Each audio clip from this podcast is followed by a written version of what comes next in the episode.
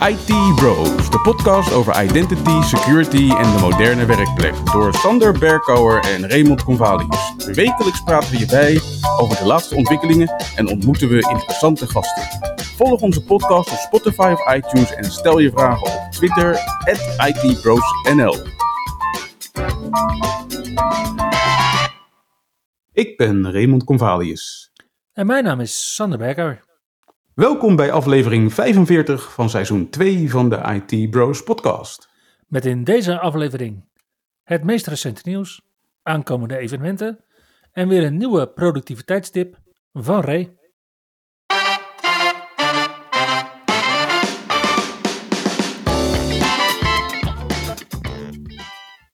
En we beginnen gelijk maar met Windows 11 nieuws, denk ik.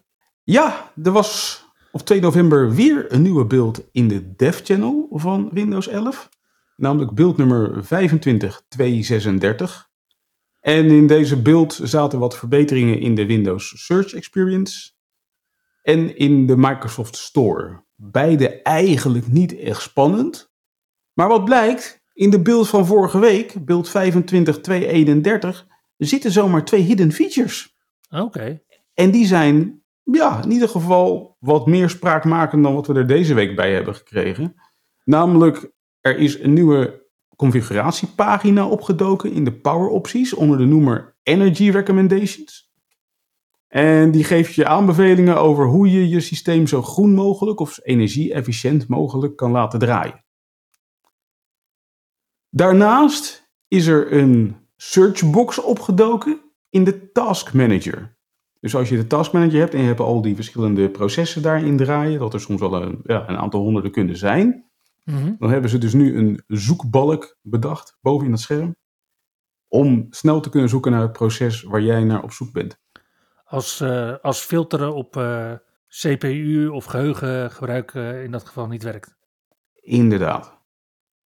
Nu zijn beide nieuwe features zijn dus niet te zien nadat je eh, deze build of een nieuwere build van Windows 11 Developer Channel hebt geïnstalleerd. Ja, ik, ik vroeg het me ook al af. Want hoe weet jij er dan van? Nou ja, ik heb het nieuws gewoon gelezen bij NeoWin. Oké. Maar ze zijn voor de meeste mensen verborgen. En wat moet je dan doen om ze te laten zien? Nou ja, eh, ouderwets, ouderwets bijna moet ik zeggen, moet je teruggrijpen naar de Vive tool. Die kan je downloaden van GitHub. Mhm. En dan met een specifieke code kan je dan vervolgens deze features enablen. Ja, 5 tool, Vive tool. Ik weet, ik weet nog niet helemaal hoe we het moeten uitspreken. Maar Ik ook niet. Misschien moeten we een keertje informeren bij een van onze collega's bij Microsoft hoe je dit correct uitspreekt. ja. ja, want hij komt best wel vaak langs. Maar misschien dat we ergens een YouTube-videootje terug kunnen vinden over de Vive tool. Dat iemand ons kan vertellen hoe het wordt uitgesproken. Of Vive tool.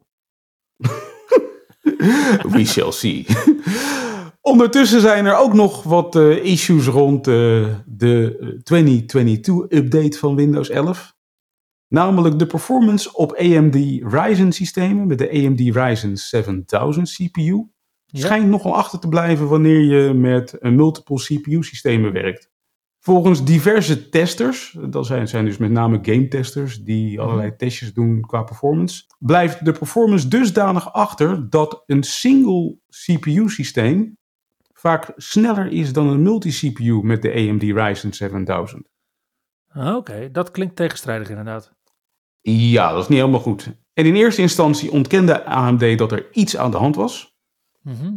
Maar inmiddels hebben ze wel aangegeven dat ze toch werken aan eh, verbeteringen en dat er wellicht binnenkort iets aan zit te komen waardoor het allemaal wat beter gaat presteren onder de 2022-update van Windows 11. Want dit is een issue specifiek voor de 2022-update. Ja, oudere versies hadden hier geen last van en dan waren de multi-CPU systemen gewoon sneller dan de single CPU systemen. Dus dat is best wel een reden om op Windows 10 te blijven. Voor die mensen. Nou ja, in ieder geval om nog niet te upgraden naar de 2022-update van Windows 11. Dus je kan nog eh, prima even blijven op de 22H1-versie. Maar die laatste, ja, kan wellicht een tegenvallende performance opleveren. Ja, een reden om juist niet op Windows 10 te blijven is dat er problemen waren met OneDrive synchronisatie. Mhm. En daar heeft Microsoft voor Windows 10, 21H1, 21H2 en 22H2 een out-of-band update uitgebracht. Microsoft bracht deze update uit op 28 oktober, met rugnummer 5020953. En deze zorgt ervoor dat OneDrive gewoon lekker blijft door synchroniseren. Ook als je hem even tijdelijk onderbreekt of even de link verbreekt en dat soort dingen om, uh, om misschien zelfs wel onderhoud te plegen. Ja, wel zo prettig. Yes.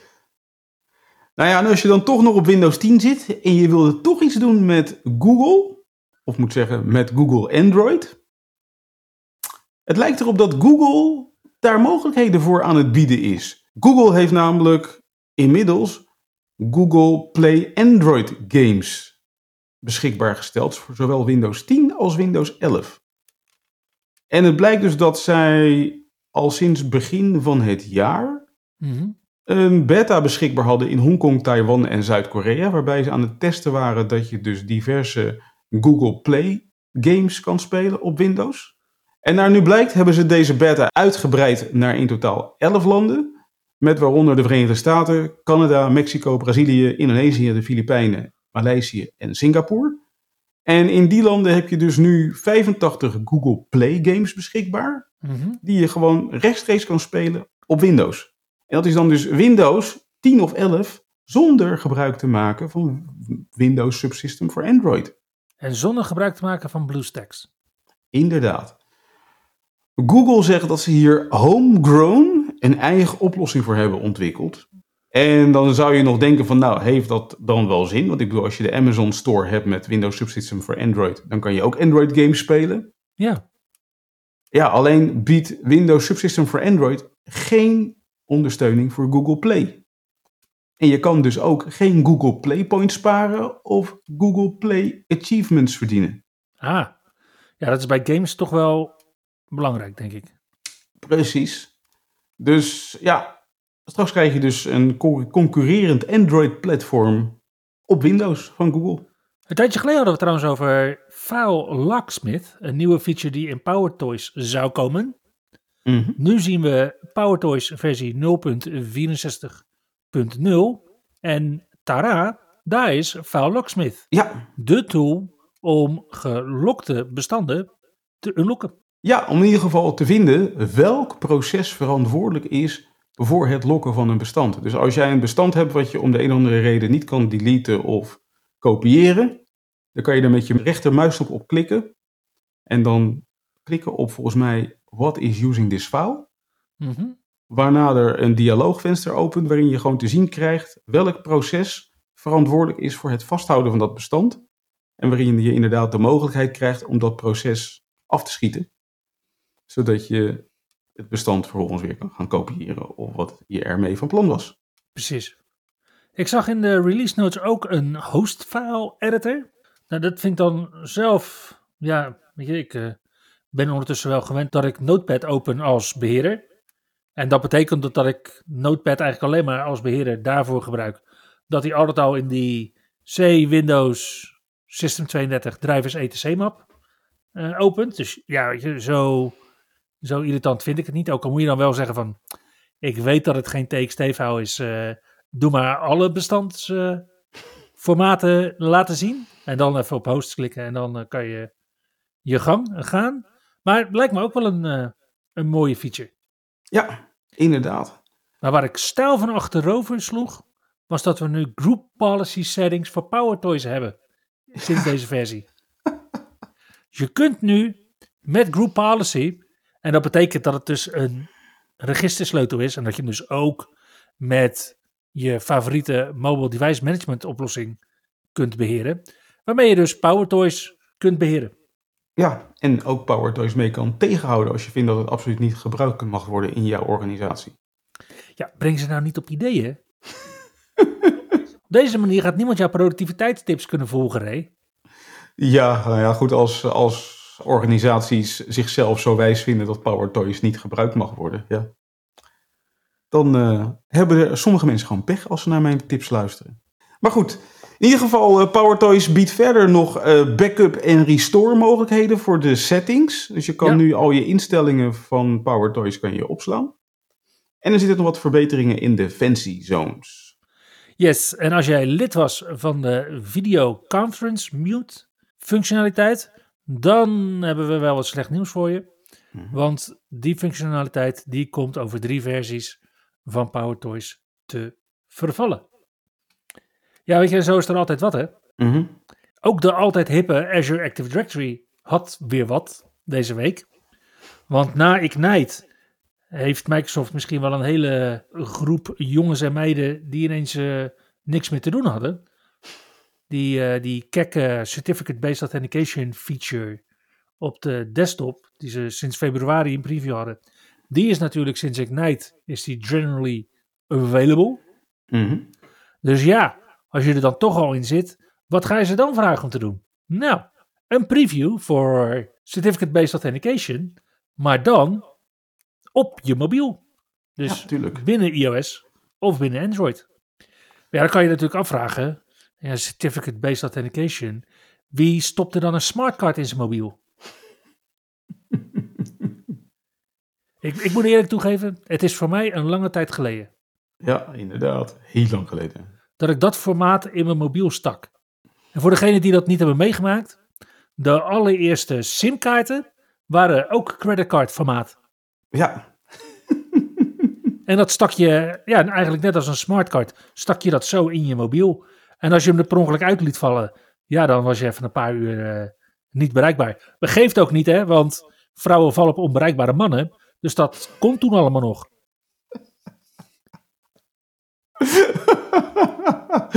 Tja, brings back memories. Maar goed, als je dat vandaag de dag doet, dan eh, ja, sta je misschien toch een beetje verschut. Dus Microsoft heeft dat ook bedacht. En die dacht, nou, weet je wat, we gaan dat dan doen met FIDO 2 sleutels. Want op een FIDO 2 sleutel heb je namelijk ook een sleutelpaar. Net als dat je dat op een smartcard hebt. Mhm. Nou, daar hebben ze dan heel erg goed over nagedacht. En dan zie je dat je dan dus zo'n USB-C of een Lightning of een NFC FIDO 2 sleutel kunt gaan gebruiken als jouw certificaat. Ah, Oké. Er zitten wel wat haakjes en oogjes aan, want NFC wordt nog niet ondersteund in de preview. Hmm. En ook die FIDO 2 sleutels zijn het enige scenario dat wordt ondersteund. Ja, smartcards worden sowieso nog niet ondersteund in Android. Maar ik vind het wel heel erg fijn, want we gaan natuurlijk steeds meer richting die phishing resistant multifactor authentication. Dat is een beetje de les die we hebben geleerd van het incident bij Uber. Waarbij de tegenstander is binnengekomen via een MFA fatigue attack. Mhm. Iemand zo lang bombarderen met doe eens MFA dat hij zegt van ja doei, eh, doe maar. En daaromtrent zijn toch wel best wel wat mensen wakker geworden. Waaronder iemand eh, in het Witte Huis die een executive order heeft geschreven. Die heet Improving the Nation's Cybersecurity. Dat is executive order 14028. En die vereist dus ook die phishing resistant MFA. En dat is multifactor authenticatie waarbij mensen niet meer in het ooitje genomen kunnen worden. En waarmee je dus zo'n situatie zoals bij Uber inderdaad kunt tegengaan. Ja, en het is niet alleen zeg maar met een eh, MFA fatigue attack dat het mis kan gaan. Dat bleek afgelopen week wel, want nu is Dropbox gehackt. Afgelopen week. Oké, En die zijn ook gehackt met MFA en phishing. Alleen deze keer hebben ze geen MFA fatigue attack gebruikt. Nee, ze hebben mensen naar een phishing pagina gestuurd. Die na je username en password gewoon vroeg om een one-time password. En vervolgens is dat one-time password inclusief username en password gebruikt om op GitHub binnen te komen. Waarna de criminelen 130 code repositories hebben gestolen. En eh, ja, Dropbox nu versneld overgaat tot de implementatie van WebAuthn. En waarschijnlijk ook graag ja. naar phishing resistant MFA wil gaan. Ja, zoals iedereen. Eh, Vorige week hadden we het over de number matching feature. Die nu generally available is voor de Authenticator app. Dat maakt de Authenticator app ook phishing resistant. Dus op die manier zien we dat je met certificaten, met Fido 2, met de Authenticator app, met number matching, met Windows All Over Business. Tenminste, als je het gebruikt op een apparaat met een TPM-chip. Dat je daar best wel phishing resistant MFA op kunt doen. Je moet er alleen wel, ja, iedereen die daar nog niet is, dus iedereen die nog met eh, sms-berichten loopt de MFA, ja, die moet je inderdaad daar nog wel even krijgen. Maar daar lopen ook al campagnes voor als het goed is. Ja, je hebt daar de registration campaign feature voor. We hebben daar natuurlijk sinds vorige week die authentication strengths in preview voor. En ik denk dat dat ook wel een belangrijke vraag is voor organisaties. Als je als beleid hebt dat je geen preview features Mhm. inzet, maak je dan uitzonderingen voor features die je informatiebeveiligingsniveau significant verhogen. Het is in ieder geval het overwegen waard, zou ik zeggen.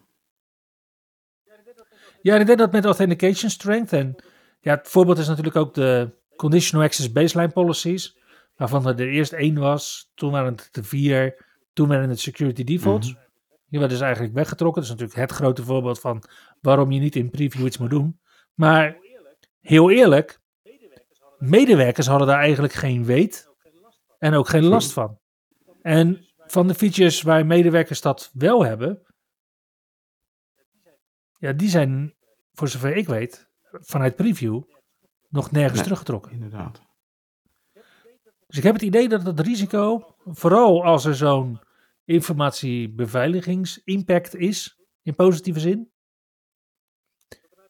dat we daar misschien toch met dat soort organisaties wat langer over Ja, moeten steggelen. nou ja, wat je ziet, denk ik ook, is dat Microsoft zich ook wel bewust is van de impact als ze een dergelijke feature terug zouden trekken. Ik bedoel, Ja, als mix, stel nou dat Microsoft twee weken geleden niet had besloten, besloten om number matching GA te maken, maar om het terug te trekken.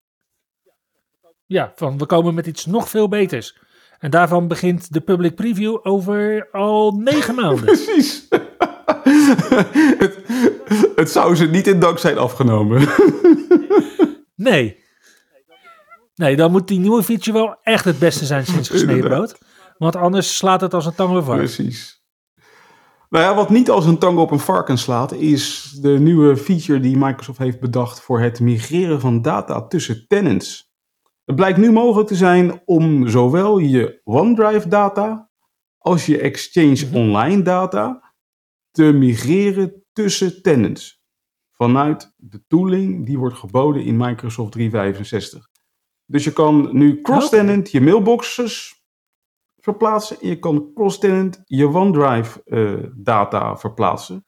En je kan met name die OneDrive migration, die kan je gewoon schedulen voor maximaal 4000 gebruikers tegelijkertijd. Die per gebruiker Ja. 2 terabyte aan data bij zich dragen. Op dit moment is dit al GA, behalve voor degenen die gebruik maken van de Government Community Cloud, Mhm. de Government Community Cloud High of de DoD customers. Ja, dus dat zorgt ervoor dat we inderdaad ook zonder software van derden Mhm. nu steeds meer migraties kunnen uitvoeren. Ligt natuurlijk ook aan de kwaliteit van de tooling die wordt geboden, of dat daadwerkelijk Ja. zo is. Maar het zou best wel eens, eh, als je kijkt naar de licenties, die gaan natuurlijk per gebruiker. Dat ligt eh, bijna overal eh, tussen de 6 en de 15 euro per gebruiker om te kunnen migreren. Dit klinkt veelbelovend en zeker die scheduling optie voor OneDrive migration. Ja, dat Microsoft het wel vaker mis heeft, eh, bleek ook wel weer afgelopen week. Toen ze een kritieklek in Cosmos DB mochten adresseren. Met attractieve naam Casmis. En Orca Security merkte dit kritieke remote code execution lek op. En meldde het op 23 oktober bij Microsoft. En Microsoft is toen aan de slag gegaan met Cosmos DB. Dat is hun eh, NoSQL implementatie in Azure. En wat ze moesten oplossen was dat er ongeautoriseerd lees- en schrijftoegang tot containers mogelijk Oei. was. En die kwetsbaarheid die bevond zich in de ingebouwde Jupyter notebooks. Nou, die gebruik je weer om gegevens op te vragen, te analyseren en te visualiseren. Maar die ontzettend handige notebooks, die kenden geen authenticatiecontrole. Dus als jij de UUID, de Universally Unique Identifier, van zo'n Jupyter Notebook workspace wist, dan kon je er al toegang toe krijgen. Nou, Microsoft heeft het lek nu gedicht. Orca Security heeft een proof of concept uitgebracht, Waarmee je kunt checken of Microsoft zijn werk goed gedaan heeft in jouw omgeving. Oké. Ja, er was er afgelopen week ook best wel wat reuring in de Unix-wereld. Ja, Als het gaat over twee kwetsbaarheden in OpenSSL 3.0. Die daar zijn geadresseerd. Namelijk eentje met CVE 2022-3602. En E CVE 2032-3786. Beide gaan over een buffer overflow kwetsbaarheid. beide kun je gebruiken voor denial of service. En een van ze is ook nog geschikt voor een remote code execution. Ja, mooi. Nou ja, om dit te adresseren hebben ze van OpenSSL versie 3.07 uitgebracht. En bevelen ze iedereen die gebruik maakt van OpenSSL 3.0 aan om te- zo snel mogelijk te upgraden naar deze versie. Ja, een saillant detail hier is dat die kwetsbaarheid zich dus alleen bevindt in OpenSSL 3.0.0 tot en met versie 3.0.6. nou, die versie 3.0.0 die is uitgebracht op 7 september 2021. En daar is toen onderzoek naar gedaan, afgelopen week. En er bleek dat slechts 0,4% van alle OpenSSL installaties zo'n kwetsbare versie 3 versie draaide. De rest draait eigenlijk gewoon nog steeds op 1.1.1. Nou, inmiddels is eh, Microsoft hier ook op ingespeeld met eh, de Defender Vulnerability Management feature. En die zijn in staat Mhm. om zeg maar kwetsbare apparaten die gebruik maken van een van die OpenSSL 3.0 versies te detecteren en je te waarschuwen dat je moet gaan patchen. Ja, kijk, en OpenSSL is natuurlijk ook zo'n populair onderdeel in Linux en Unix en open source implementaties. En ik kan me herinneren dat Log4j, dat was ook zo'n component Mhm. dingetje, dat het toen best nog wel een aantal dagen duurde voordat Microsoft erachter kwam dat er wat producten en diensten Ja. lek waren. Of kwetsbaar, kwetsbaar waren. We hadden het toen over eh, Minecraft, Defender for IoT, de Events Hub extension, de Cosmos DB Kafka connector, dat soort dingen. En ik vraag me af, want de NCSC heeft een lijstje gemaakt. Daar staat Microsoft niet op met kwetsbare producten. Maar ik vraag me af of dat nog stilte voor de storm is. Mm, Ja, ik denk niet dat Microsoft OpenSSL nodig heeft gehad in Windows. Maar goed. My gut feeling. Afgelopen week zagen we naast de hack op Dropbox ook een supply chain attack eh, vanuit een mediabedrijf dat advertenties aanbood vanuit JavaScript. En dat dit mediabedrijf gecompromitteerd is geraakt en dat daardoor de SOC Golish malware, ook wel de fake updates malware, werd meegegeven aan zo'n 250 nieuwswebsites in de Verenigde Staten bij die advertenties. En dat dat best wel eens de opmaat zou kunnen zijn naar een ransomware aanval, zoals dat de vorige keer met Sogolish ook het geval Oei. was. Nou, Proofpoint, Proofpoint merkte het Mhm. op. En die zijn vervolgens aan de slag gegaan om eh, daar inderdaad iedereen op te wijzen. Ja, dat is wel eh, belangrijk. Zeker in deze tijden van verkiezingen in de Verenigde Staten. Ja, als daar alleen nieuwswebsites met bepaalde politieke voorkeuren slachtoffer worden, dan kan dat best desastreuze gevolgen hebben voor bijvoorbeeld dat soort verkiezingen. Ja.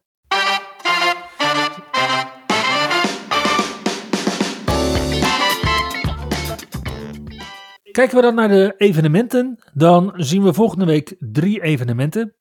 En dat begint maandag al gelijk in Barcelona tot en met donderdag 10 november met VMware Explore, waar VMware uitlegt hoe VMware het eigenaarschap van de cloud weer naar zich toetrekt. Spannend en een hele leuke stad Barcelona. Ja, ja ik, zit, eh, ik zat net even te denken, hoe vaak ben ik al in Barcelona geweest? Maar dat is ook wel ook best wel vaak al. Ik ben de tel kwijt wat dat betreft. Maar ik heb er wel heel veel plezier gehad in die stad. Zeker. Ik heb heel veel nachten, heel weinig Ja. geslapen ook. Nou ja, als je niet helemaal naar Barcelona kan afreizen, dan kan je van dinsdag tot en met donderdag terecht op eh, ICT en logistiek. De beurs die eh, bekend staat als het platform voor ICT-toepassingen en diensten in de logistieke keten. En deze wordt gehouden in de jaarbeurs in Utrecht. Ook leuk. en is je dat allemaal te veel, al die evenementen van een paar dagen, dan kun je ook op donderdag 10 november bij de RTL Meetup Group aansluiten. Dat is een initiatief op eh, meetup.com van medewerkers, maar ook gesponsord door RTL. En wat zij organiseren is een evenement met als titel How to Improve Your Cloud Environment Based on Cost. En daar kan je genieten van een sessie door Albert Tenure, een Azure MVP, die je alles uitlegt over hoe je kosten kunt besparen in de cloud. En dat vindt plaats bij Moestakbel Amsterdam. En dat lijkt me een hele leuke plek om zoiets te doen. Sowieso in Amsterdam, maar ook met, uh, met Marokkaanse roots. Oké, ik ben er nog nooit geweest. Ja, ik was, uh, ik was geïnteresseerd. Je kunt het afhuren. En dat hebben ze bij de RTL Meetup groep gedaan. En uh, misschien volgen er nu meer.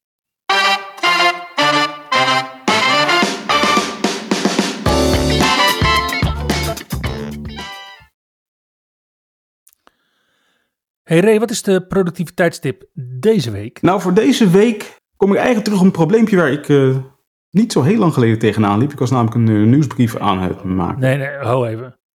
Jij en problemen in één ja, zin. Ja, soms heb ik toch wel weer zo'n uitdaging, weet je wel. Dus ik was een nieuwsbrief aan het maken. Oh, een uitdaging. Ja, nee, dat is iets anders. Een uitdaging is iets anders. ik was een nieuwsbrief aan het maken en ik moest een uh, knop maken in die nieuwsbrief. En ik wilde het kleurtje gebruiken van die betreffende organisatie. En hoe kom je dan aan de juiste kleurcode voor die knop? Nou, dan ga je natuurlijk naar de webpagina en dan moet je ergens de kleurcode van hun kleur boven water zien te krijgen. Nou ja, dat doe ik dan soms door iets te kopiëren met de screen, heet het, met screen capture. En vervolgens te plakken in Paint.net of in PowerPoint en zo met de color picker die kleur boven water te trekken. Maar dat kan veel makkelijker. Oké, en hoe doe jij dat dan nu makkelijker? Blijkt in Power Toys, ja ja, daar heb je hem weer. Daar zit een tool in die heet de Color Picker. En als je dan de toetscombinatie Windows Shift C gebruikt, dan verandert je cursor in een cursor die ook meteen de kleurcode laat zien van hetgeen je nu overheen zweeft met je muis. En als je dan op een gegeven moment denkt van nou, dat is de kleur die ik wil hebben, dan klik je. En dan verschijnt er vervolgens een venster. Met in dat venster de hexcode van die kleur, de RGB-code van die kleur of de HSL-code van die kleur. Zodat je die kleur meteen kan gebruiken in bijvoorbeeld je nieuwsbrief. Oké. Okay. Dus het enige wat we dan nog missen is de Pantone kleur. Waarschijnlijk wel. Ja, en dan kan je ze net niet als schoenen bestellen. Leren wij op het nijt. Inderdaad. Uh, ja, maar we gaan vooral bedrijven vertellen hoe ze Power Toys kunnen blokkeren. Zullen we, zullen we daar dan gewoon vanaf nu mee stoppen, Ray? Uh, nee, dat ga ik mensen niet vertellen hoe ze Power Toys kunnen blokkeren. Gewoon Windows Shift C en je hebt de color picker en dan kan je aan de slag. En trouwens, als je nog niet alle nieuwe features ziet in uh, Power Toys, Winget, Update, min min all. En dan kan je al je applicaties in één keer updaten op je machine. Ik voel een déjà vu. oh ja, dat is ook zo. En daarmee komen we aan het eind van aflevering 45 van seizoen 2 van de IT Pros podcast. Dankjewel voor het luisteren en tot de volgende keer. Tot de volgende keer. Je luisterde naar IT Bros, de wekelijkse podcast over identity, security en de moderne werkplek. Abonneer je op Spotify, iTunes of Google Podcast als je de volgende aflevering niet wilt missen. Heb je hints of tips? Laat dan van je horen op Twitter. @itbrosnl.